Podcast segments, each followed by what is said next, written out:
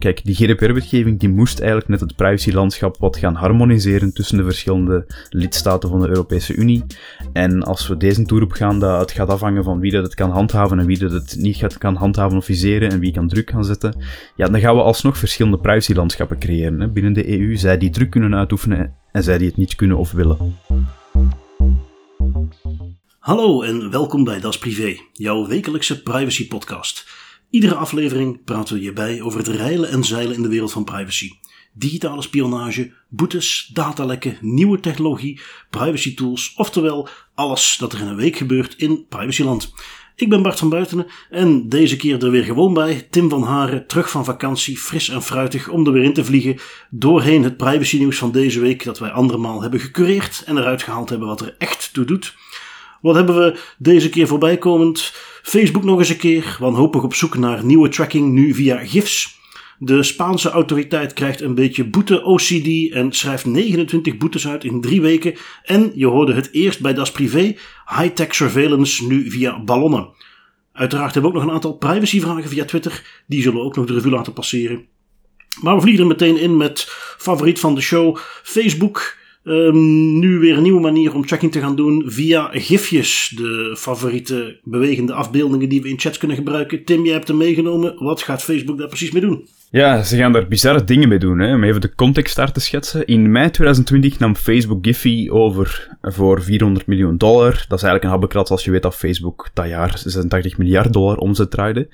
Um, en ja, je denkt natuurlijk, ja leuk, maar wat heeft de overname van een bedrijf dat gekke internetplaatjes aanbiedt nu eigenlijk te maken met privacy? Wat is de link? Wel, Giphy, het bedrijf dat die GIFs aanbiedt, is geïntegreerd in verschillende platformen die eigendom zijn van Facebook, eh, zoals WhatsApp en Instagram. En met die Giphy API kan je GIFs uit de beelddatabase van Giphy invoegen in berichten op al die verschillende kanalen. Nu, dat werkt ook op andere platformen die geen deel uitmaken van het Facebook-ecosysteem, zoals Twitter, iMessage, TikTok en Slack. En daar wordt het wel interessant. Enkele privacy-pros speculeren namelijk dat de reden achter die overname te maken heeft met het feit dat zo'n gifje kan fungeren als datavergaringstool voor Facebook. Giphy verpakt bij zijn gifs namelijk een stukje code dat het bedrijf laat weten waar de afbeelding wordt geladen, evenals een tracking identifier die helpt om je surfgedrag over het web te volgen. Ja, dat is natuurlijk iets waar dat Facebook zo zijn vieze handjes natuurlijk in wil hebben. Um, Facebook zou zo kunnen profiteren van Giphy's gewoonte om diensten van derden, zoals Slack en iMessage en dergelijke, te vragen om toegang te geven tot de tracking ID van een apparaat dat zou Facebook kunnen helpen om gebruikers van verschillende diensten, ook buiten het Facebook-ecosysteem, beter te identificeren en inzicht te geven in hoe, ze, hoe dat ze die GIFs gebruiken. Het is een theorie, dat is niet de officiële reden dat, dat Giphy is aangekocht door Facebook, maar ja, als je natuurlijk kijkt naar het bedrijf dat het heeft aangekocht, Facebook, dat zijn diensten verkoopt op basis van het feit dat ze meer weten over ons dan de concurrenten, dan lijkt me dat niet zo heel ver gezocht dat, uh, dat ze dat gaan gebruiken als datavergaringstool. En dat beeldt ook nog maar eens mooi uit dat zij heel veel kunnen gaan gebruiken als datavergaringstool. Ik had zelf er nog niet bij stilgestaan dat een, een afbeelding die gewoon een loop beweegt, ook kan gebruikt worden om mij te gaan tracken. Dat, dat gaat wel heel ver, vind ik. Ja, ik heb daar uh, een, uh, ondertussen echt al jaren geleden, toen uh, Signal voor het eerst ook Giphy's ging integreren. Toen heb je daar een blogpost aan gewijd. En hebben zij dat ook aangegeven. En, en, dus een manier hoe zij dat gingen implementeren om dat tegen te gaan. Uh, want los van nog zelfs bepaalde tracking die ze mee kunnen geven, uh, mm -hmm. waar bijgehouden wordt van oké, okay, welk, welk toestel of op welke locatie is deze gif opgezocht, wordt ook als jij dat uh, intikt, hè, je tikt vaak een zoekterm in om zo'n gifje in beeld te krijgen, um, ook die termen werden dan bijgehouden. En dat oh ja. is dus iets waar uh, Signal ook in zijn blogpost ook uitlegde van ja kijk, daar zijn wij tussen gaan zitten, we hebben daar een proxy op gezet, dat, dat die content opgestuurd wordt, daar kunnen wij niks tegen doen. Uh, in die zin dat we die verbinding gewoon encrypteren totdat die helemaal aankomt. Uh, maar we hebben het dan wel over een proxy van onszelf gestuurd. Dat betekent dat in ieder geval nooit te achterhalen is dat het vanuit jouw toestel is gestuurd, wat je ook opzocht. Dus dat ze dat zoveel mogelijk Weer een voorbeeldje van, laten we zeggen, privacy by design uh, toegepast. En dat ze dus ook aan de ene kant Giphy leuk vonden en wilden integreren. De, de is een bedrijfje erboven, om dan die uh, gifjes te kunnen tonen. Um, en, en, ja, goed, dus dat is een manier hoe ze ermee om kunnen gaan. Dus dan, dan kunnen ze dat, dat systeem toch toepassen. Um, geef maar aan dat dus dat idee dat Facebook uh, dit effectief wilt gaan doen en in een poging om ook daar weer tracking op los te laten, uh, zeker niet ver gezocht is, geen uh, paranoïde privacy fantasietje is, maar zeer de realiteit van wat ermee zou kunnen. wat ik wel heb gelezen, dat was op een Britse site, is dat precies vanwege die reden, ook al was die overname vorig jaar al, dat die nu in de UK ineens weer ter discussie staat. Dat een regulator die wil terugdraaien, omdat dat uh, zo breed gebruikt wordt, dat als de Giphy zou worden overgenomen door een, een, social media bedrijf, alle andere social media bedrijven daardoor in een nadelige positie kunnen zitten. Dus dat ze ervoor willen gaan liggen dat er een overname gebeurt door een social media bedrijf. Ja, ja, dat is inderdaad waar, want dat was ook de aanleiding van, het, um, van de persoon die het artikel heeft geschreven die heeft dat ook even vermeld bovenaan het artikel van kijk, het gaat hier over een antitrust onderzoek tegen Facebook, omdat zij zo'n bedrijf zoals Giphy die breed gebruikt worden innemen en daarmee ja, een, een oneerlijk concurrentievoordeel genereren. Dus ja, de, opnieuw hetzelfde mantra dat we bij Facebook al zo vaak hebben gezegd. Anything and everything, zolang je maar gewoon extra data kan gaan verzamelen voor Facebook en de groei van Facebook kan bevorderen. Alles moet daarvoor opzij gaan inderdaad, precies dat stukje groei weer. Wat kunnen we nog gaan misbruiken om mensen te tracken? Goed, uh, ja, zoals we uiteindelijk van eh, Facebook mogen verwachten. Um, gaan we even door naar de volgende. Ik heb die van De Tijd. Uh, ik vond die interessant. Dat gaat over een stukje privacy technologie. Wat er op dit moment zeker nog niet echt is, maar wat ik gewoon interessant vond om eens een keer mee te nemen. Uh, dus, dus geen heel actueel nieuwswaarde rond dit bericht, maar gewoon interessant om die techniek eens te benoemen en eens mee te nemen uh, in, de, in de uitzending, dat die wat breder bekend wordt. Uh, waar heb ik het over? Wel, het is, uh, laten we zeggen, een manier, uh, de crypto variant, om je taart op te eten en hem toch te houden. die bekende Engelse uitdrukking, even wat vertaald. Um, als ik het heb over crypto, dan bedoel ik uiteraard cryptografie, niet blockchain. Dat wordt nog wel eens door elkaar gehaald deze dagen. Um, ik heb me uit het artikeltje van de tijd met uh, Bart Preneel. Een hele bekende onderzoeker, wetenschapper rond encryptie. En die brak een lans voor homomorfische encryptie. Dat is uh, ja, de volgende uh, privacy enhancing technology. Als we kijken naar allerlei tools die bepaalde verwerkingen mogelijk maken, maar toch de privacy van de gebruikers behouden. Um, wat zit erachter? Ja, encryptie is natuurlijk fantastisch. Daarmee beveiligen we onze communicatie. Dat zorgt ervoor dat dingen niet toegankelijk zijn. Maar ja, encryptie heeft natuurlijk één nadeel. Als je met toch in ieder geval de klassieke cryptografische toepassingen die we kennen, als je iets wilt doen met gegevens, ja, dan ga je die eerst moeten ontsleutelen, decrypteren, voordat je er iets mee kunt doen en dan eventueel weer encrypteren. Um, is logisch, maar daar zit er natuurlijk meteen het gevaar in. Uh, op het moment dat we data ontsleutelen, ja, dan zijn ze dus weer leesbaar. En dat is het moment waarop we dus dingen verkeerd kunnen gaan. En dat is hetgene dat homomorphic encryption wilt oplossen. Het idee achter homomorphic encryption is namelijk dat we toch bewerkingen kunnen doen op data die nog geëncrypteerd is. Uh, zonder dus eerst te ontsleutelen.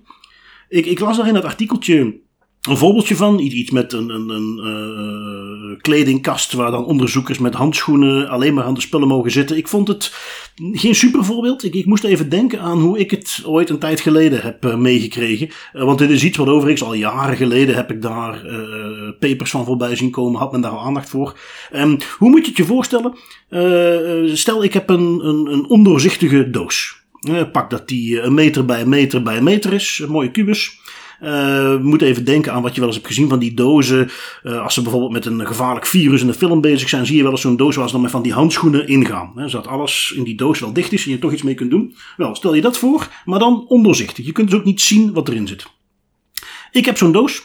Daar zit iets in uh, wat, wat, wat ik heel gevoelig vind en waar ik toch wil dat er iets mee gebeurt door een bepaalde specialist. Dus ik doe die doos op slot. En ik laat die specialist komen. Ik zeg: Kijk, uh, jij gaat met je handen in die doos. Jij kunt niet zien wat erin zit, maar je gaat wel ongeveer kunnen voelen wat het is.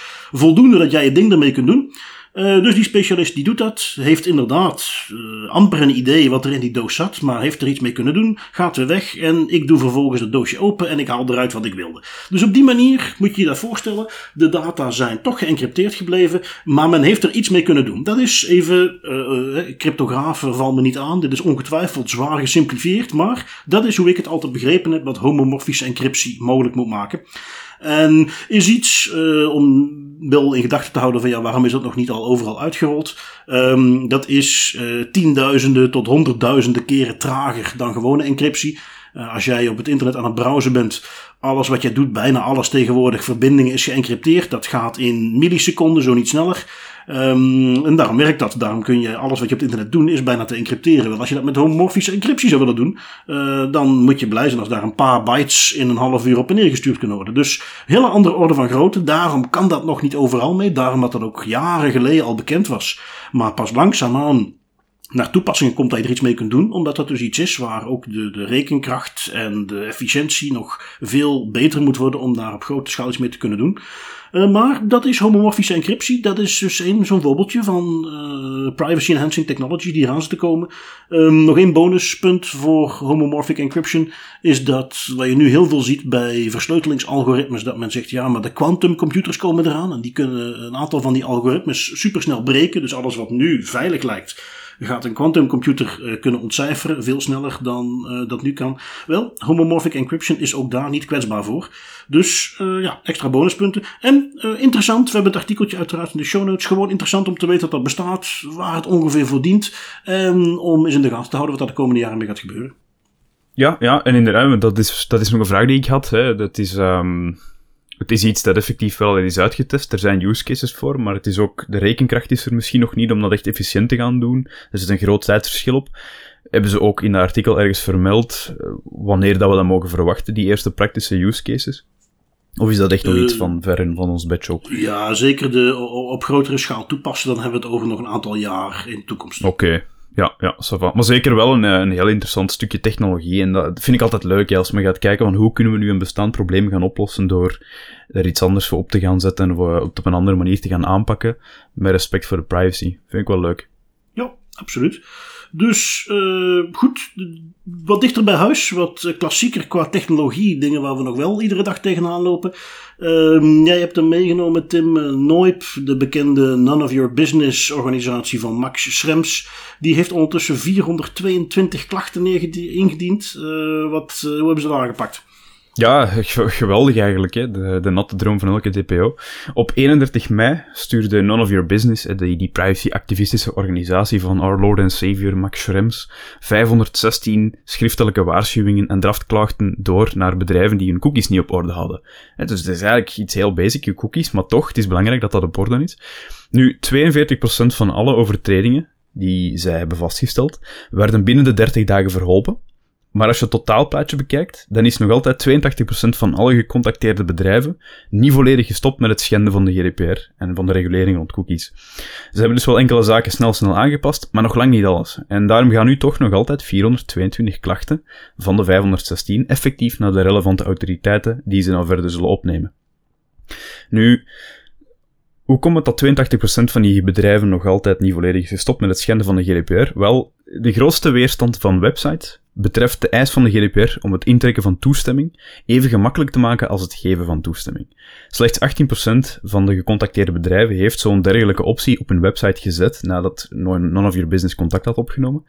En de bedrijven zijn eigenlijk ook duidelijk waarom ze hier niet om staan te springen in contact met None of Your Business. Ze maken zich eigenlijk zorgen dat concurrenten zich niet aan de regels zouden houden, wat tot een oneerlijk voordeel zou leiden bij de concurrent. En daar hebben ze ergens ook wel een goed punt, vind ik. Um, zolang het risico op sancties al dan niet financieel kleiner is dan het risico dat een concurrent je voorbij steekt omdat jij je wel aan de privacyregels en principes houdt en de concurrent niet, gaat het voor veel commerciële bedrijven nog altijd moeilijk blijven om die te overtuigen dat ze zich wel effectief met privacy moeten bezighouden. Dat is nu eenmaal, ja, je kan wel zeggen van dat is ethisch en dat is verantwoord en ze moeten het doen, dat is misschien de pet die wij vaak opzetten, maar zolang dat daar ook geen commercieel voordeel aan is, en zolang dat concurrenten daarmee een voordeel krijgen als je de privacyprincipes gaat handhaven binnen je organisatie, dan wordt dat een lastig verhaal. En dat is belangrijk, vind ik. Dat is ook een, een, een interessant inzicht dat None of Your Business hier mee naar boven brengt, buiten het feit dat er nog heel veel organisaties issues hebben met cookies. Als we willen dat dit soort privacyzaken serieus genomen wordt, is het cruciaal dat die regels ook effectief worden gehandhaafd. En dat vind ik wel interessant, dat we ook eens kijken naar, ja, kijk, die bedrijven doen het niet goed, maar hoe komt het dat ze het niet goed doen? Omdat de autoriteiten er misschien nog mee struggelen om dat te gaan handhaven. Ja, en het laat nog maar eens zien, eh, wat jij zelf ook al aangeeft, handhaving is hier het grote probleem. Op het moment dat men zich daar eh, het risico loopt van ja, maar eh, als wij het doen en zij houden zich er niet aan, dan lopen wij de nadeel op. Want wij snappen ook wel dat puur ehm, ja, ethiek of, of, of dat zelf belangrijk vinden heel vaak niet genoeg is om daar op de correcte manier mee om te gaan. Want aan gebrek aan kennis mag het eigenlijk niet meer liggen deze dagen. Dat is toch iets wat ondertussen breed verspreid is. Maar waar je inderdaad ziet, vooral die, die, die vond ik interessant. Die makkelijke keuze om tegelijkertijd, als je de accept all hebt, ja, dan moet er ook een reject all zijn. Het is er eentje die ik wel steeds vaker terug zie komen. Maar nog steeds, inderdaad, op een heleboel plekken is dat degene waar je, maar, waar je naar moet zoeken. Um, ja, uh, uiteindelijk zal uh, hopelijk, want ik heb het bij, de prijs, bij onze gegevensbeschermingsautoriteit zijn ze ook binnengekomen natuurlijk. Door heel Europa zijn ze binnengekomen.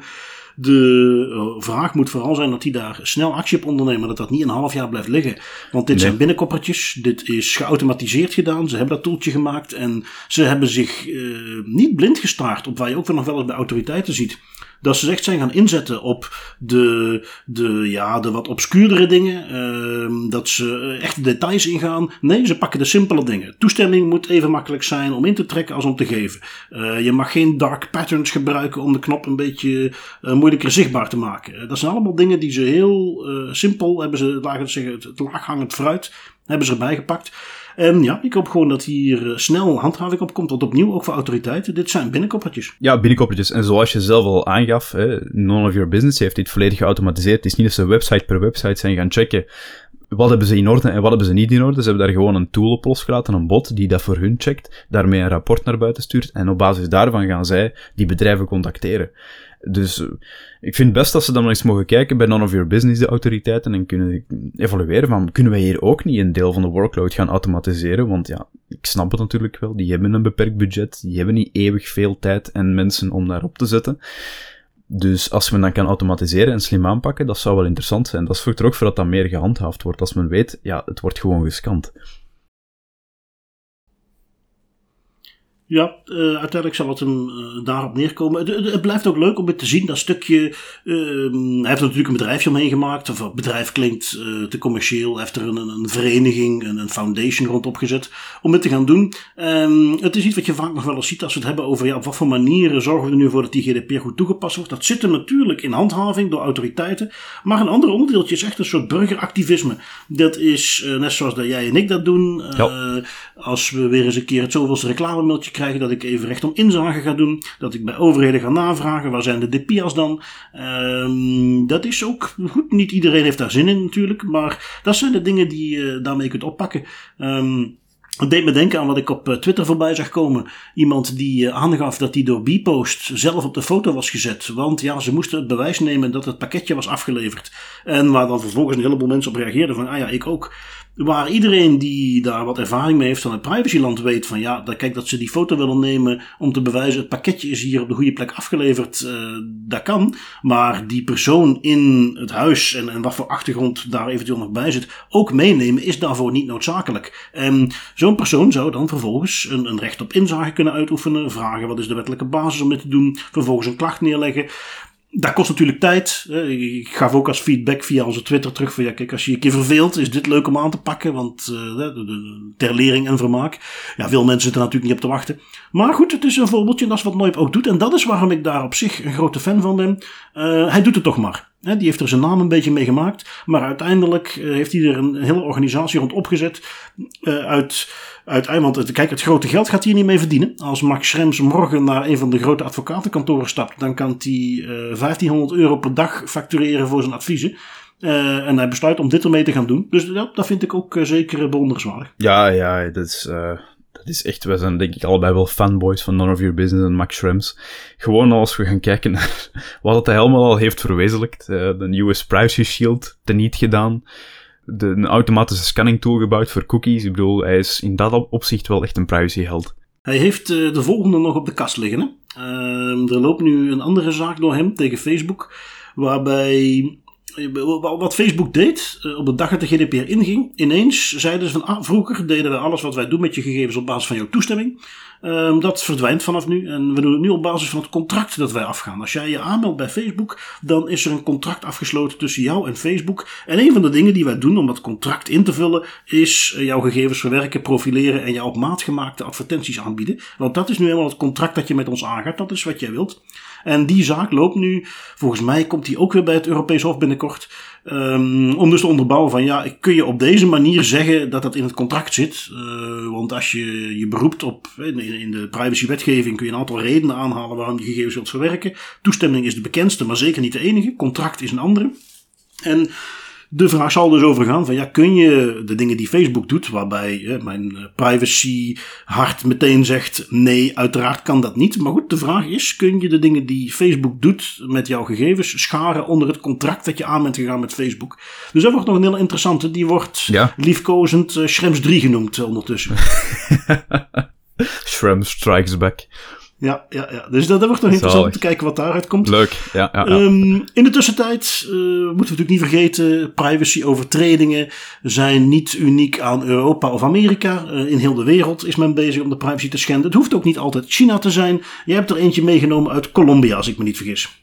Yes, klopt. Um, de multinational Teleperformance, een van ons werelds grootste callcenterbedrijven, die zoekt tegenwoordig zowat elke grens op in zijn drang om telewerkers meer te monitoren. En specifiek dan de Colombiaanse tak van Teleperformance. Ja, die eist volgens het artikel dat ik heb meegenomen dat werknemers toestemming, quote-unquote, geven voor videomonitoring binnenshuis. Zo vertelden werknemers in Colombia van Teleperformance dat hun nieuwe contact, contract het bedrijf het recht geeft AI-camera's te gebruiken om hun werkplekken te observeren en op te nemen. Het contract vereist ook dat de werknemers biometrische gegevens zoals vingerafdrukken en foto's van zichzelf delen en als dat nog niet erg genoeg is, staat het contract ook toe dat gegevens en beelden van kinderen onder de 18 verzameld en bewaard worden.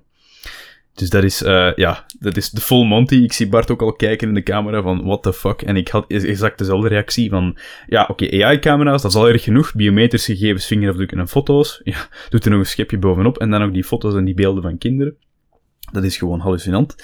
Nu, in de wetenschap dat heel veel mensen hun living of slaapkamer hebben omgebouwd tot home office het voorbije anderhalf jaar, lijkt het mij op zijn minst gezegd overdreven om dergelijke monitoring in contracten te gaan steken en verplichten. Want voor de duidelijkheid, daarom dat ik die quote-unquote toestemming zei, een werkgever kan hier absoluut geen toestemming voor vragen. Want wat denk je dat er gebeurt als die persoon weigert? Ja, dat is een take it or leave it offer. Dan vinden ze gewoon iemand anders die in de callcenter gaat staan en die wel toestaat dat er dingen gemonitord worden in zijn huis. Oké, Tim, ja, leuk, hè, zo even fitten op teleperformance, maar misschien is het wel echt noodzakelijk dat werknemers zo gemonitord worden. Is er dan echt geen reden voor? Wel, ik denk eerlijk gezegd dat dat niet echt noodzakelijk is. En waarom niet? Bedrijven zoals Apple en Uber, die maken beide gebruik van teleperformance callcenters. Apple zegt dat het videomonitoring van werknemers door leveranciers verbiedt, en laat dat ook in auditrapporten vastleggen. Uber vraagt dan weer het omgekeerde, en vraagt uitdrukkelijk dat werknemers in callcenters extra gemonitord worden. Dus dat is zo bizar, hè? Als het zonder invasieve monitoring kan bij Apple, zou het eigenlijk altijd zonder die monitoring moeten. Misschien ligt het dan aan de aard van het werk dat ze voor Uber uitvoeren, maar ik kan me eigenlijk niet inbeelden hoe het continu monitoren van werknemers op zo'n manier, inclusief kinderen, leidt tot een betere of veiligere digitale werkomgeving. Dat is een, uh, kan ik dit betoog eigenlijk enkel maar afsluiten met een obligatoire thank God for GDPR. Ja, al vraag ik me af. Ik ken, uh, ja, op Twitter volg ik een nogal actief figuur. Die heet uh, Luis Montezuma. Uh, met zo'n naam kun je al gokken dat hij uit Zuid-Amerika komt. Maar die werkt dus voor de Colombiaanse gegevensbeschermingsautoriteit. Ik heb me natuurlijk niet recent verdiept in de Colombiaanse privacywetgeving. Maar ik zou me verwachten dat die basisprincipes daar hetzelfde zijn. En dat je dus hier ook de, de, daar tegenaan gaat lopen dat, wat we hier nu zien, dat dat ook niet kan. Um, je hoeft daar ook niet heel lang over na te denken. Ik, ik, snap heel goed dat je mensen in een callcenter wilt monitoren. Um, dat is ook een klassieker dat gesprekken worden opgenomen. En uiteindelijk, dat is ook de context. Verder had zou het ook niet mogen gaan. In die zin, wat moet een callcenter medewerker? Die moet bellen. Van mijn part zit hij daar zonder kleren aan, met zijn haar voor de helft opgeschoren en de rest niet. Met een tatoeage over heel zijn gezicht. En zit hij helemaal onderuit gezakt. Maakt allemaal niet uit. Als die vervolgens een fantastische callcenter medewerker is, dat is wat je wilt. En dat, ja, dan, dan zien we dus meteen Goed, toestemming als werkgever, dat kun je sowieso niet vragen. Wat jij ook al zei, Tim. De, de, de financiële afhankelijkheid, de hiërarchische relatie. Vrije toestemming bestaat bijna niet in die context. Maar hier ook, als je dan zou zeggen, ja, maar we hebben een contract en wij moeten toch kunnen nakijken als werkgever hoe iemand zijn contract nakomt. Ja, dan zie je dus hier dat dat basisprincipe van proportionaliteit, is dit nodig? Ja, het contract is callcenter medewerker. Moeten we daarvoor weten op wat voor manier iemand videotechnisch zichtbaar is? Nee, ook niet. Dus dit, dit klinkt echt super extreem. En blij om te horen dat uh, Apple dan uh, in die zin dat soort dingen in zijn contracten afdwingt dat het niet gebeurt. Um, geheel passend in het image dat ze hebben natuurlijk. Dat image dat Uber dat dan weer wel afdwingt. Ja, Inderdaad, het contrast kan niet groter zijn. En ik vind het ook wel cool van Apple dat ze de, ze dwingen het niet alleen af, maar ze auditen het ook. Ze gaan ook effectief kijken bij die callcenters, uh, zoals teleperformance, of dat er effectief wel wordt gekeken naar die privacy van de medewerkers. En dat opnieuw, hè, het feit dat het bij het ene bedrijf perfect in orde is dat er geen videomonitoring plaatsvindt of geen biometrische monitoring en bij het andere bedrijf wel, benadrukt nog maar eens dat, die, dat er eigenlijk geen noodzakelijkheid is om dat te gaan doen. Dus dan nee. is dat absoluut niet proportioneel. Dus nog maar eens een keer, uh, uiteindelijk, uh, het staat op het lijstje om nog eens een keer te maken voor Das Privé. Een heel klein filmpje of audiootje rond de basisprincipes van privacywetgeving. En dit is een, een standaard voorbeeld. Is het echt nodig? Dat, is eigenlijk de simpele vraag waar het op neerkomt. Een van die principes, is dit echt nodig? En het antwoord hier zou een uh, luidend nee, niet nodig zijn. Um, we gaan even door. We hebben nog een uh, artikeltje. Ik, ik vond hem interessant. Ik zou hem voorbij komen op, op euractiv.com. Um, waar gaat het over? High-tech en ballonnen. Um, iets wat je al eerder gehoord hebt. Als je nu denkt van ja, maar wacht eens even, dit heb ik al eens voorbij zien komen. Dat klopt. Uh, Google heeft er zelfs een apart bedrijfje voor opgezet. Loon heette dat bedrijfje. En wat was het idee van Google, hè, waar uh, Elon Musk met een van zijn bedrijfjes bezig is om satellieten rond de aarde te brengen die vervolgens internet naar beneden gaan stralen.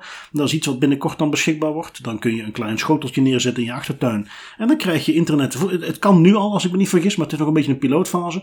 Maar dus, klein schoteltje in je achtertuin. En dan krijg je via die satellieten, dat zijn er als ik me niet vergis al duizenden in een baan rond de aarde, krijg je internet. Um, Google heeft dat dus destijds geprobeerd met ballonnen. Hetzelfde idee over plekken die moeilijk bereikbaar zijn in de wereld. Uh, probeerde men dan op die manier naar internet te krijgen. Dat, dat, dat, bedrijfje is, denk ik, een jaar geleden hebben ze dat uh, failliet laten gaan. Is opgedoekt. Voor zover ik weet hebben ze die technologie opgeborgen. Uh, neemt niet weg dat, en dat, dat, is natuurlijk het leuke, want ballon, ja, heel veel meer low-tech kun je het niet hebben. Maar dat, dat blijft toch terugkomen om high-tech dingen te gaan doen. Um, wat is het nu? Frontex. Misschien niet eerder van gehoord, maar Frontex is de naam, de, de, de term die ze gebruiken voor de Europese grensbewaking. Wat eigenlijk een, een soort semi-Europees leger is waar je nog nooit van gehoord hebt. Want niet te onderschatten tegen 2027 uh, is dat, dat zijn de ambities, moet Frontex bestaan uit 10.000 mensen. Dat zijn dan dus uh, niet van een bepaalde natiestaat in Europa, niet van een bepaalde lidstaat, maar gewoon Europees, ja, laten we zeggen, handhaving, bewaking van de Europese grenzen. En goed, die doen dus bijvoorbeeld, als we kijken naar een vluchtelingencrisis, uh, we vergeten dat soort dingen snel, maar een paar jaar geleden zaten we daar nog echt met een gigantische crisis. Die natuurlijk in COVID-tijden ineens een beetje verdrongen is. Ten eerste omdat die stromen ook aanzienlijk minder zijn geworden, maar ten tweede omdat het niet meer in de headlines voorbij komt. Maar Frontex blijft er dan mee bezig. Die hebben uh, een jaar of twee geleden, zag ik het alles voorbij komen, hebben alles een, een, een proefballonnetje opgelaten. See what I did there. Uh, waarmee ze dus met uh, een ballon van 35 meter. Want ik vond dat in het laatste artikeltje, zag ik hem niet voorbij komen. Maar toen ik ben terug gaan zoeken, vond ik daar nog wat foto's van. Dat is een ballon. Zie het een beetje als Zeppelin vorm, maar dan van 35 meter, dus aanzienlijk kleiner. En die hangt gewoon in de lucht. En daar zitten uh, infraroodcamera's op, hè, de temperatuurbeelden. Um, daar uh, heb je uh, natuurlijk gewone camera's op zitten. Er zijn contacten, zeker omdat het ook met, met grenzen aan zee gaat, met transponders van schepen, satellietcommunicatie. En die alles, met het systeem wat ze nu gaan uitrollen, gaan dus over ongeveer een diameter van 60 kilometer op zee. in totaal zou dat een oppervlakte moeten dekken van 40.000 vierkante kilometer, gaan ze dus nu die ballonnen inzetten om nog meer de grens te kunnen monitoren. En Ja, vooral dus de, het feit dat ze dat dan met die ballon doen, maar dat er dus eh, satellietcommunicatie, camera's, hoge resolutie, dingen in de gaten houden, eh, op temperatuur. Het is eigenlijk een toepassing van een soort surveillance techniek, zei het dan met ballonnen, om een gigantisch stuk in de gaten te gaan houden. Nu is het dan voor de grensbewaking, maar uh, ja, niet dagen later dat soort dingen natuurlijk ook breder in te zetten zijn. Dus ja, interessant voorbeeldje van wat, wat oldschool technologie met wat nieuwe technologie uiteindelijk om ons wel beter in de gaten te kunnen houden. Ja, dat is wel een, uh, een graaf idee ergens wel. Los van het feit dat dat natuurlijk surveillance technologie is en dat we daar ontzettend tegen zijn. Uh, maar als we dan even kijken naar de technologie, ik vind het ergens ook wel logisch. Want ja, drones, drones kan je niet permanent in de lucht laten hangen over de zee, want die moeten nooit terugkomen. Die batterij wordt plat, die gaat plat, dat gaat niet. Maar een ballon, ja, een ballon steek je op, hangt er camera's aan, hangt er sensors aan. Dat kan denk ik wel best een lange tijd in de lucht blijven. Ik ben geen ballonexpert, maar ik kan me dat inbeelden. Uh, dat dat wel een, een, aanzienlijke tijd in de lucht kan blijven hangen. Wel, het, en uh, dan het heb je surveillance on the go, hè. In het uh, pilootproject wat ze destijds hadden, was dat met één ballon. En die kon, in ieder geval toen voor de duurtijd van het pilootproject, 29 dagen aan een stuk had die in de lucht ja, gehangen. Kijk. En dan was hij zijn beelden gaan verzamelen. Ja, dat is, dat is echt gewoon een uh, sensor cluster on the go waar je maar wilt ophangen. Dat is, ja. Opnieuw het hellend vlak hier leurt weer om de hoek, overal waar we komen. Nu is het Ja. voor grensbewaking inderdaad, maar god weet waar ze het nog voor gaan inzetten in de toekomst. Dus wel iets om in het oog te houden. Ja, en interessant. Op het moment dat je Ja. eh, mini-zeppelinnetjes boven Brussel ziet hangen, dan eh, kun je gaan afvragen wat ermee gebeurt. Ehm, Loodjesgeweer pakken. Ja, ja dan, dan, dan, ik zou denken dat ze daar nog wel tegen kunnen.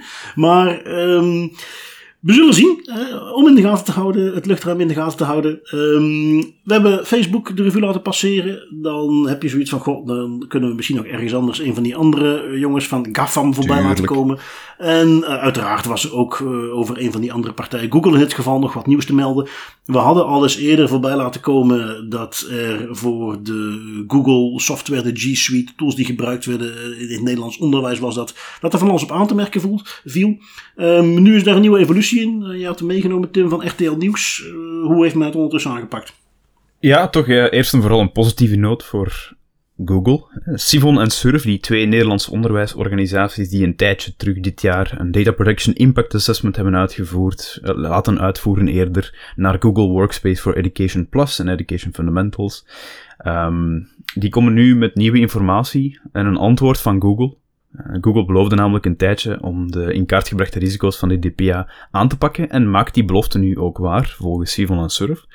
En ik ga ze niet allemaal opnoemen, maar een van de interessantere vond ik persoonlijk is de komst van een verwerkersversie van Chromebooks en de Chrome browser, waarbij Google niet meer de rol van verwerkingsverantwoordelijke aanneemt, maar verwerker en dus de data die het capteert niet zomaar mag gaan gebruiken voor eigen doeleinden. En dat is, dat is een interessante shift, want Google staat dat niet heel graag af, die rol. Google is nogal heel eh, ja, beschermend als het gaat over zijn verwerkingsverantwoordelijke rol. Ze willen heel graag zelf die data gewoon en masse kunnen capteren en ermee kunnen doen wat ze willen. Dat is uiteindelijk wat, dat wat, wat zij willen met die rol. Wat dat wel merkwaardig is, en dat is een problematische ontwikkeling, is dat die verwerkersversie er enkel in Nederland komt voorlopig, niet in België.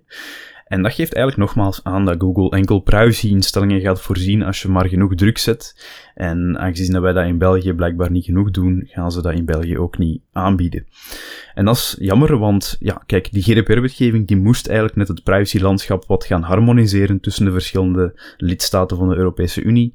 En als we deze toer op gaan, dat het gaat afhangen van wie dat het kan handhaven en wie dat het niet gaat, kan handhaven of viseren en wie kan druk gaan zetten, ja, dan gaan we alsnog verschillende privacylandschappen creëren hè, binnen de EU. Zij die druk kunnen uitoefenen en zij die het niet kunnen of willen. En dat is meteen, nou ja goed, daar moet meteen bovenop gesprongen worden, want dit is heel makkelijk af te dwingen. De Data Protection Impact Assessment is gedaan, die is gedocumenteerd, die is, heeft in Nederland heeft men die ook gepubliceerd. Dus het is een kwestie van die op te pakken en dat onderwijsorganisaties uit alle andere lidstaten, samen met wellicht de autoriteiten, de, de, bij onze GBA, daar ook mee naar Google toe gaan en zeggen van, hé, wacht eens even, eh, dit onderzoek hoeven we niet nog eens een keer te herhalen, dit geldt hier ook, eh, graag even op dezelfde manier toepassen. En het benadrukt, kijk, je wilt nog wel eens denken, ja, maar zo'n bedrijf als Google, daar zijn, hè, je moet dat nuanceren. En dat, dat is niet één grote privacy schendende moloch die alleen maar ons zoveel mogelijk wilt uitbuiten om onze data en daar zoveel mogelijk geld aan wilt verdienen. Maar dan zie je weer zo'n geintje zoals dit, waarbij ze ondertussen duidelijk te horen hebben gekregen wat er fout is. In dit geval rond hun tools voor onderwijs, hoe ze die gegevens verwerken. Gaan ze dat aanpassen, maar dan ook weer alleen maar in het land dat de kat de bel aangebonden heeft, terwijl ze dat net zo goed overal zouden kunnen uitrollen. En de enige reden waarom ze dat niet doen, is omdat ze weten dat het ze geld gaat kosten. En dat ze zolang als ze willen de grenzen willen kunnen opzoeken. Dus warme oproep aan de GBA in België, pak dit op, want het is ook hier weer een binnenkoppertje. Het werk is al gedaan. Uh, wat mij betreft een Ministry of Privacy. Dit is ook een interessante om even mee uit te pakken. Um, ik uh, zou dat heel graag zien dat Google dit meteen overal in Europa gaat doen, want ze zitten verdorie heel erg binnen in die scholen. En ja, als je dan ziet wat ze daarmee doen, dat is eigenlijk best wel een issue. Dus uh, ja, iets om op te pakken. Ja, precies. Ja, hoe sneller dat we dat gewoon in, in Europees Unie-breed niveau gaan oppakken met alle verschillende lidstaten, bij alle verschillende autoriteiten, hoe sneller dat we terug dat einddoel van de GDPR gaan kunnen behalen. Hè? De harmoniseren van dat privacylandschap. Als we dat niet doen, ja, dan, dan is dat gewoon een loss voor ons. Ja, absoluut. Um, we gaan even door met The Guardian had een, daarom misschien geen wereldschokkend verhaal, maar ik vond het in die zin sappig omdat het laat zien hoe weinig organisaties hun, zelfs hun marketingmails op orde hebben of het systeem om mails te versturen, uh, waarbij ze ervan uitgaan dat alles is gewoon één grote marketingdatabestand, terwijl je in principe nu gaat zien dat er minstens twee varianten moeten zijn. Hè. Communicatie die niet per se marketing gerelateerd is, maar informatief, die, die nuttig is voor iedereen en die je dus gewoon moet kunnen sturen, hoef je ook geen toestemming voor te vragen. En dan de meer marketingcontext. Wel, in dit geval, het gaat om eh, Sainsbury's, uh, artikeltje van The Guardian. Die hadden onderscheid ook niet gemaakt. En die gingen ervan uit dat op het moment dat jij zei: Ik wil niet meer reclame ontvangen van jullie in mijn mailbox. Dat het dan meteen betekende dat uh, relevante informatieve mails ook niet meer van toepassing waren. Wat in dit concrete voorbeeldje inhield. Er was kattenvoer eh, dat kattenvoer bleek giftig te zijn. En uh, iedereen die had aangegeven: ik wil geen marketingmails meer krijgen, heeft de communicatie via mail dat het kattenvoer giftig was en dat je dat mocht terugbrengen en dat je dat niet moest gebruiken, heeft dat niet meer gehad. Want ja, je had je uitgeschreven voor marketing-e-mails. Dus ja, dan uh, hoef je ook de waarschuwingsmail over uh, giftig kattenvoer niet meer te krijgen. Had je de reclame maar moeten accepteren, lijkt dan een beetje de insteek te zijn. en uiteraard compleet verkeerd. En ik hoop dat dit nog wel een staartje krijgt voor Sainsbury's zelf. Ik gun het niemand dat er iets met je huisdier zou gebeuren. Maar als we het dan hebben, waar we het ook in de vorige aflevering alles over hadden, schadevergoeding in de context van fouten gemaakt ten opzichte van gegevensbescherming. Hier hebben ze een uh, grote fout gemaakt waar een potentiële schade voor iemand is dat zijn huisdier is overleden door giftig voer te krijgen.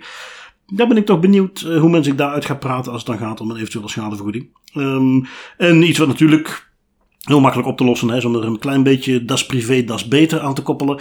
Je kunt als organisatie een heel goed onderscheid maken tussen, laten we zeggen, drie soorten mailings die je doet. Het eerste is puur informatief, dingen waarvan je zegt, dit is voor iedereen die, voor die bij ons klant is of die iets met ons te maken heeft, nuttig om te weten. Er zit geen reclame in, dat mag je altijd sturen, daar hoef je geen toestemming voor te vragen.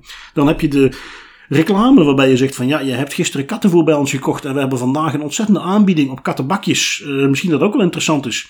Ja, hoef je ook niet nog eens toestemming voor te vragen. Dat is een logische conclusie dat misschien relevant is voor dezelfde persoon die kattenvoer kocht. Maar moet je altijd voorzien dat mensen zich kunnen uitschrijven. En tenslotte heb je dan de echte direct marketing die, waar niemand om gevraagd heeft en die gewoon gestuurd wordt omdat er ergens een lijst is gekocht. En daar ga je dus toestemming voor moeten hebben. Dat zijn de drie varianten. Is niet moeilijk en dat moet je gewoon op orde hebben. Wat hier dus duidelijk niet het geval was. Ja, dat is zonde eigenlijk. Hè. Ik bedoel, marketing e-mail is helemaal niet hetzelfde als een louter informatieve mail die ten goede komt van uw klant. Lijkt mij hier ook wel alsof ze gewoon het feit dat iemand zich uitschrijft voor de marketingmails interpreteren als dan gaan wij alle contactgegevens ook verwijderen of althans niet meer gebruiken. Ja, dat is duidelijk uh, gewoon een, een, een, iets te simplistische setting in het uh, ja.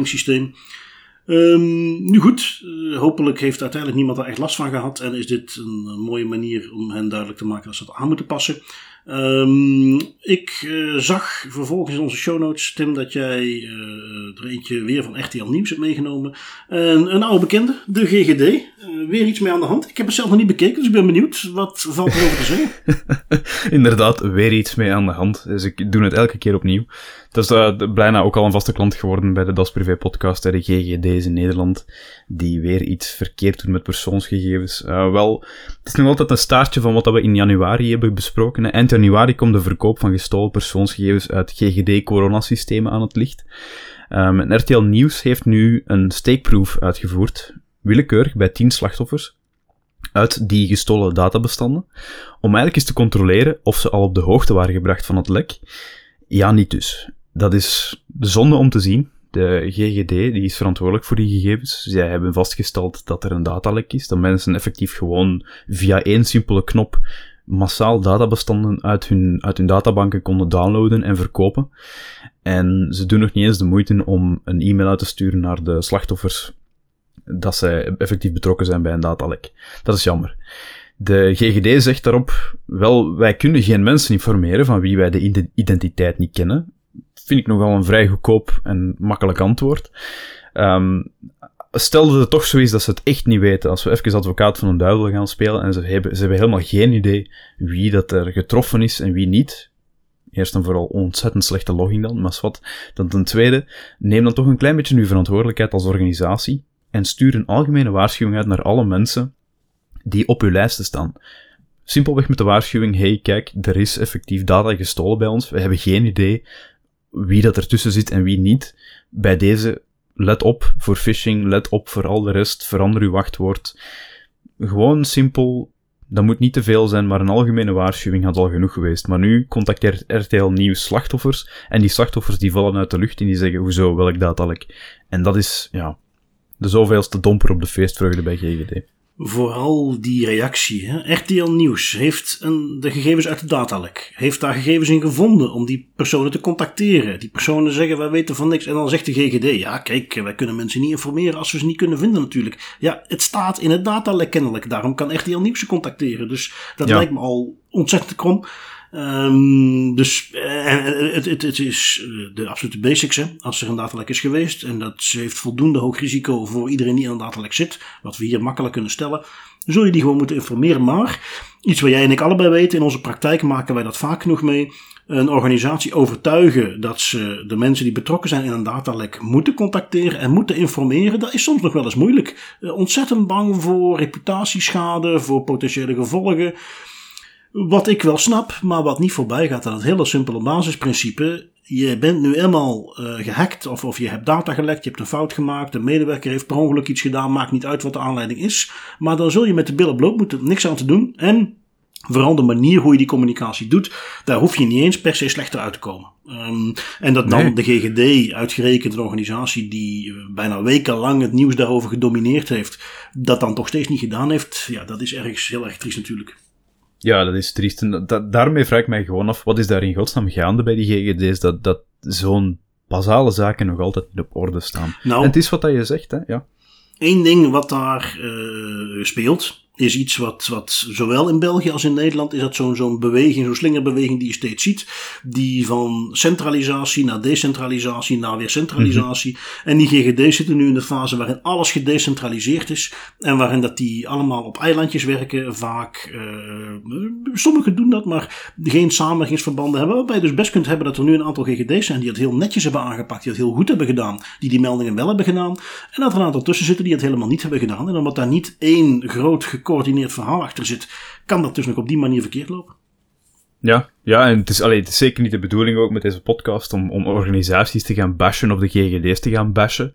Maar kijk, we stellen gewoon vast, keer op keer, dat er dingen gebeuren die niet een beetje over de schreef gaan, maar echt volledig over de schreef gaan. En dat is jammer. Ja, het is niet dat hier eens een foutje is gebeurd, het is echt iets stelselmatig en dat is gewoon problematisch. Zeker als we ja, Absoluut. Dus soms wel een beetje bashen, als het uh, terecht is. Soms moet het wel eens kunnen, hè, maar we proberen het wel wat diplomatisch aan te pakken. Eentje waar ik bijvoorbeeld ook vind dat het volkomen terecht is, is een artikel. Ik zag hem op, op Twitter, zag ik er de echte berichten van voorbij komen. Right. Ik ben gaan zoeken van kan ik daar um, uh, ja, op de wat grotere websites ook wat meer achtergrond rond vinden. Maar ik bleef een beetje op mijn honger zitten. Maar uh, op de, de poster en aan de rand toch ook via een andere, aantal andere sites. Maar er, er zaten fotootjes bij, er zat voldoende bewijs bij dat ik ervan uitga dat het echt wel uh, gebeurd is. waar gaat het over? We hebben Wit-Rusland. Daar zit altijd een, nou ja, op een haar na gewoon dictator, Lukashenko. Die onder andere uh, de oppositie zwaar onderdrukt. Uh, Hongarije is daar een koorknaapje bij in vergelijking met wat daar gebeurt. En wat hebben nu een aantal hacktivisten gedaan? Hacktivisten, wat dat betreft, bedoel, wie weet wat er natuurlijk achter zit qua doeleinden. Maar in die zin, hacktivisten, dat ze hier echt wel een, een stukje activisme hebben bereikt. Die hebben de Wit-Russische overheid gehackt. Wat hebben ze buitgemaakt? Echt wel, dit bedoel, niet min. Dit is een hele serieuze hack. Ze hebben om te beginnen de volledige paspoortdatabase uh, te pakken gekregen. Wat zit daarin? Alle paspoortfoto's, adressen, uh, tewerkstellingsplaatsen. Uh, met uh, alles wat daar dus ook bijvoorbeeld voor KGB-achtige instanties die dan in Wit-Rusland zijn uh, van toepassing is. Um, want ze hebben dit niet gedaan om vervolgens de gegevens van alle Wit-Russen te gaan lekken. Ze hebben dit specifiek gedaan om toegang te krijgen tot data van het regime. De, de tools die zij gebruiken om mensen te onderdrukken. De geheime diensten die ze daarvoor inzetten. En dus wat ze bijvoorbeeld ook buiten hebben gemaakt is de laatste tien jaar aan noodoproepen. De opnames daarvan. Um, waar ze dus ook uit hebben gehaald dat er mensen zijn die uh, in, in, in klassieke stijl hun medewerkers of buren erbij lappen, omdat die uh, anti-regime uitspraken doen. En dan is er dus een speciale kliklijn die je kunt bellen, daar hebben ze opnames van gehaald. Uh, ze hebben ook de data van politiediensten buitgemaakt, camera's die binnenin de politiedienst zitten. Um, uh, informatie over de, de werkgeschiedenis van uh, politieofficieren. Um, misschien nog wel een van de belangrijkste dingen die ze erbij hadden, ging over de alle afgetapte data. Uh, die de overheid had uitgevoerd, het regime. Dus zowel opponenten, tegenstanders van het regime, als uh, supporters van het regime. Want ja, je kunt nooit voorzichtig genoeg zijn natuurlijk, dus laten we die ook maar allemaal aftappen. Um, Uiteraard, begrijpelijk. Iets wat er ook nog mee naar buiten kwam was dan uh, in Wit-Rusland. Je herinner je dat misschien nog van toen corona een beetje los begon te komen. Dat er één land was wat daar deed alsof er niks aan de hand was. Waar voetbal gewoon doorging, waar de stadia vol zaten. En waar het leek alsof het dan allemaal niks uh, teweeg had gebracht. Maar blijkt dus nu, doordat ze de data buiten hebben gemaakt, dat uh, alle data rond de overlijdens, de, de, gigantische stijging in overlijdens, dat die uiteraard onderdrukt is. Dat er uh, 14 keer meer overlijdens waren dan eigenlijk gerapporteerd. Um, dat het dus over meer dan 32.000 doden ging. Ter vergelijking, in België hebben we het over 25.000 doden. Dus ja, veel meer dan gerapporteerd. Um, Waarbij ik me er meteen van bewust ben dat er ontzettend risico bestaat dat die hackers die gegevens uh, toch nog verkeerd gaan gebruiken. Of dat ze er onvoorzichtig mee zijn dat die gegevens nog op de verkeerde plek terechtkomen. Want ze hebben ook ontzettend veel gegevens over, laten we zeggen, de gewone burger in plaats van het regime te pakken. Maar een heel mooi voorbeeldje van hoe hacktivisme uh, ooit echt bedoeld was. Vind ik ook een, een interessant fenomeen aan, aan de hele hackingcultuur en hoe dat in elkaar zit en die digitalisering van al die systemen, dat je kan zeggen, wel, wij zijn niet akkoord met een quasi-dictatoriaal land. Wij gaan nu als een kleine groep activisten alles compromitteren dat we kunnen vinden. En wij kunnen dat, want dat is allemaal gekoppeld aan digitale databanken. Moest dat allemaal fysiek zijn, moest die digitale koppeling er niet zijn, dan zou dat nooit zo uitvoerig gelukt zijn. En dat vind ik heel interessant, dat een kleine selecte groep mensen zo'n gigantische impact kan hebben op een heel land vind ik uh, wel leuk om af en toe eens bij stil te staan. En ook, dit zijn activisten, dan moeten we wel eens gaan nadenken wat een nazistaat zou doen. Als het geen nazistaat is die zich voordoet als activ activisten natuurlijk. En zo kunnen we mm. verder blijven doen. Ja, ja, wheels within wheels, zo kan het gaan. Indeed. Um, nu goed, we hebben dan, want eigenlijk is het natuurlijk ook, hè, dat was een intro, dit is natuurlijk ook een voorbeeld van een datalek. Um, en we hebben nog een paar andere datalekken die ik even kort revue wil laten passeren. Um, want security.nl mag natuurlijk niet ontbreken. Het Radboud MC, ziekenhuis in Nederland, heeft ook een datalek gehad. En nu eens een keer niet met patiëntengegevens. Um, aanzienlijk minder gevoelig, um, desalniettemin natuurlijk een datalek. Het ging over gegevens uit de systemen met inlognamen van gebruikers, e-mailadressen, telefoonnummers. Dus meer professionele gegevens. In deze tijden waarschijnlijk telefoonnummers, ook privé-telefoonnummers. Maar goed, eens een keer geen medische gegevens, maar dus wel een datalek. Um, dan hadden we nog uh, de Blue Sky Group. Nederlands pensioenfonds die zijn gepensioneerde dupeert. Uh, opvallend in die zin, pensioenfonds, gepensioneerde, uh, ja, klinkt niet zo evident, maar uiteraard sparen er heel veel mensen bij een pensioenfonds die nog niet met pensioen zijn. En hier gaat het dus kennelijk specifiek om de mensen die ondertussen al wel met pensioen waren. Um, ergens ook extra zuur, want het zijn natuurlijk wel net dat soort mensen, uh, met andere woorden van een bepaalde leeftijd, die heel erg kwetsbaar zijn voor dingen zoals phishing, smishing. Um, en dat zijn nu net het soort gegevens wat uh, in zo'n dataset zitten. Gegevens om daarmee contact te zoeken, gegevens om uh, zelfs te zeggen, ja, wij zijn van Blue Sky, we hebben informatie over uw pensioen, want ja, je hebt al een beetje extra informatie. Um, dus in die zin toch ook een, gevoelig datalek, waar we waarschijnlijk de komende tijd nog wel eens iets voorbij gaan zien komen van wat voor staartje dit heeft gekregen. Um, gaan we door met de autoriteiten. En daar moet ik zeggen, jij had daar eens een keer een leuke. Ik heb even gekeken of er van andere autoriteiten nog veel voorbij zijn gekomen. Maar daar is het voor zover ik heb gezien redelijk stil geweest. Maar de Spaanse autoriteit heeft niet stilgezeten. Je hebt ze even op een rijtje gezet. We gaan ze niet allemaal overlopen natuurlijk. Maar uh, wat hebben ze de, de laatste weken gedaan?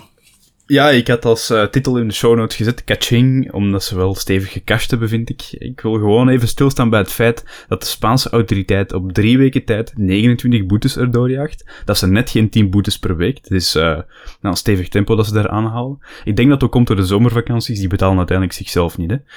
Enkele highlights die ik daarin wil meenemen, want ik ga ze niet alle 29 overlopen, dat zou veel te lang duren en die tijd hebben we niet toch enkele lollige eruit gehaald. 5000 euro boete voor een gymnastiekclub die foto's van twee minderjarige leden op Instagram plaatste zonder toestemming van ouders. Classic. 4000 euro voor een private persoon die het leuk vond om bewakingscamera's in boom te hangen. Um, ik ga er zelfs geen vragen bij stellen. En dan nog eens 4000 euro voor een gascontroleur die butaangascontroles uitvoerde op basis van een lijst met adressen en namen die schijnbaar uit het niets kwam, want de betrokkenen bij wie de controle werd uitgevoerd, die hadden daar helemaal niet mee ingestemd om op die lijst te staan en die wisten van niks.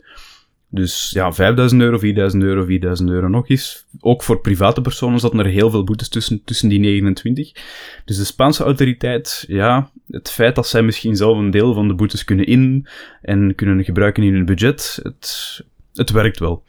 Ja, ja, ja, zeker. En ook dat naar, naar awareness toe, naar duidelijk maken dat dit op zich voor iedereen geldt. Het feit dat ze er dus ook een aantal privépersonen bij pakken. En natuurlijk met veel lagere boetes komen dan de andere tien, honderdduizenden, miljoenen die ze aan, aan bedrijven zoals Vodafone opleggen, vind ik in die zin ook niet slecht. Um, naar awareness toe, iets waar wij ook wat tijd voor proberen te maken, zijn de privacyvragen. En uh, we hadden er weer een paar binnengekregen. Ik heb er twee geselecteerd. Um, de eerste is van Seppe. Um, privacyvraag. In de praktijk geef je met de keuze voor een tweepersoonskamer in het ziekenhuis ook een deel van je privacy op. Buurman, vrouw kan alle gesprekken op de kamer tussen arts en patiënt rustig meevolgen. Wat zegt de regelgeving hierover? Uh, vind ik een hele leuke. Uh, om te beginnen omdat dat een, op een mooie manier laat zien wat, wat, soms voor de privacy professionals iets is wat wellicht ook niet eens goed duidelijk is. het verschil tussen privacy en gegevensbescherming. Uh, privacy, grondrecht, uh, staat ook opgenomen in het Europees Charter, artikel 7. Uh, eerbied, eerbiediging van het privéleven. Het feit dat je met rust gelaten moet kunnen worden. Dat je thuis vrij bent om daar te doen wat je zin in hebt zonder in de gaten gehouden te worden. Dus een heel breed begrip. Veel breder uiteindelijk um, dan gegevensbescherming. En dat is waar bijvoorbeeld de GDPR over gaat. We noemen dat simpel de privacywetgeving. Maar eigenlijk gaat het over gegevensbescherming. Um, en dit vind ik dus een mooi voorbeeldje van waarom dat verschil in zit. Uh, in een ziekenhuis, ja, ook daar heb je natuurlijk het recht op privacy. Maar daar moet men dat recht afwegen tussen, tegen andere rechten. Uh, we hebben ook het recht om, een, uh, om gezondheidszorg te hebben. En men moet gaan kijken, ja, dat moeten we op een manier kunnen doen dat het betaalbaar is. Dat dat efficiënt is. Dus als wij in een ziekenhuis iedereen zijn eigen kamer gaan geven, dat is onbetaalbaar. Dat kunnen we niet doen.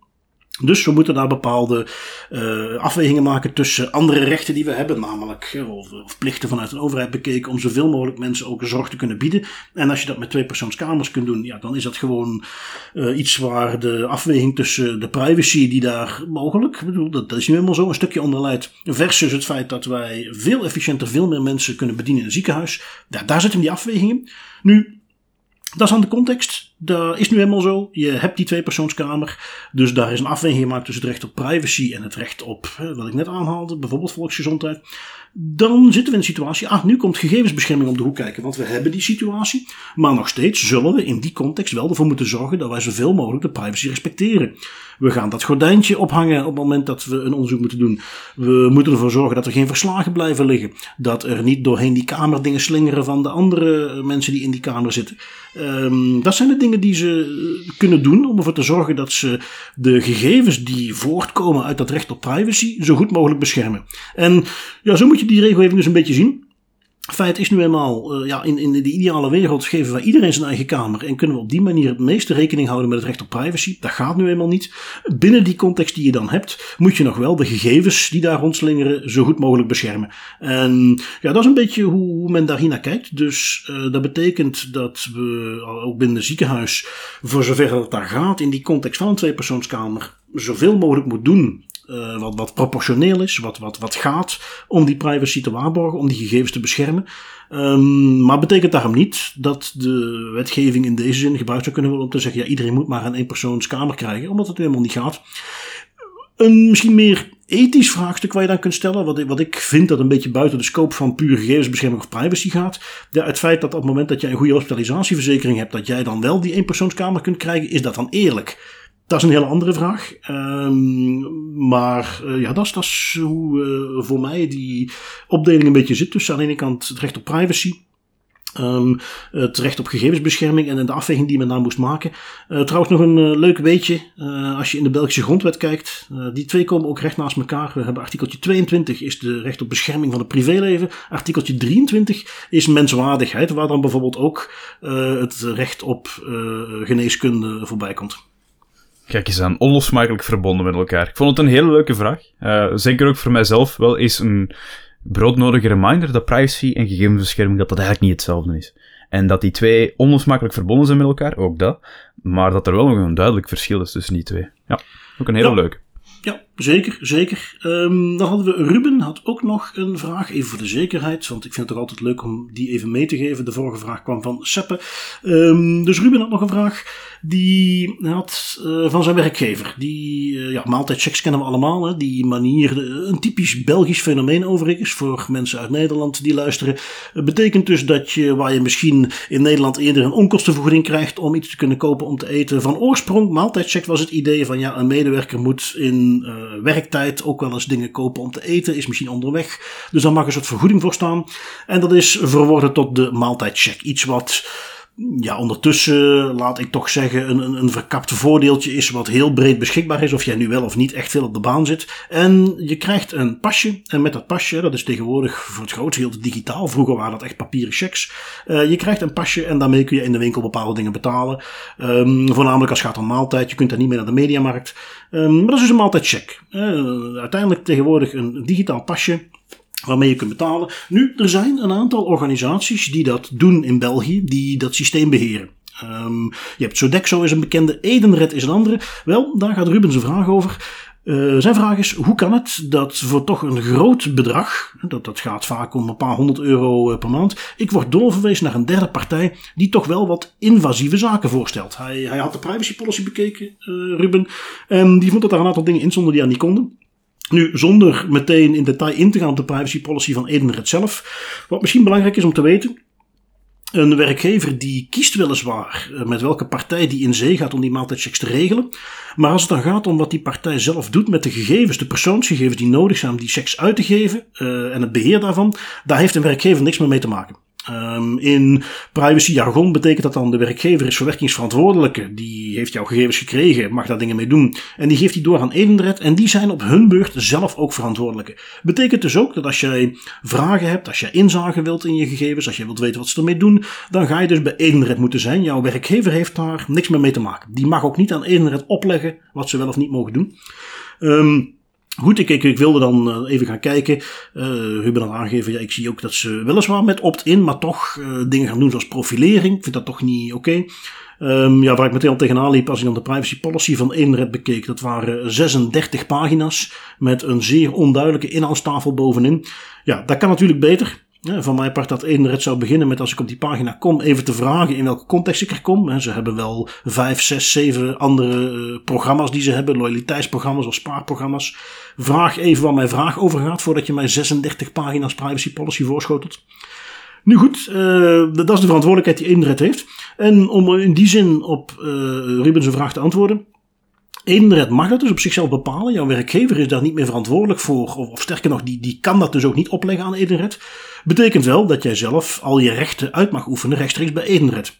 En betekent dus inderdaad, wat hij zelf ook al aangaf, uh, die profilering zou niet mogen. Uh, betekent ook dat zij de informatie veel transparanter zouden moeten maken. En in bredere zin, ik denk dat dat voor heel veel mensen geldt die maaltijdchecks hebben.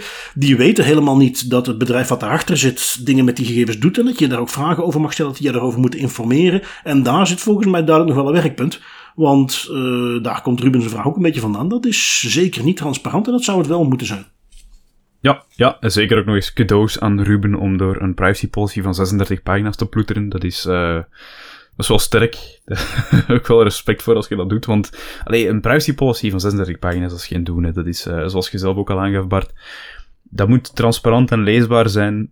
Begin al met een paar vragen te stellen. Begin met dat overzichtelijk te maken, zodat een betrokkenen niet die privacy policy oomt en meteen achterover valt van zijn stoel, omdat hem 36 pagina's rond zijn oren wordt gekletst dat kan veel beter. Dus dat is misschien de Das Privé, Das Beter tip voor Edenred.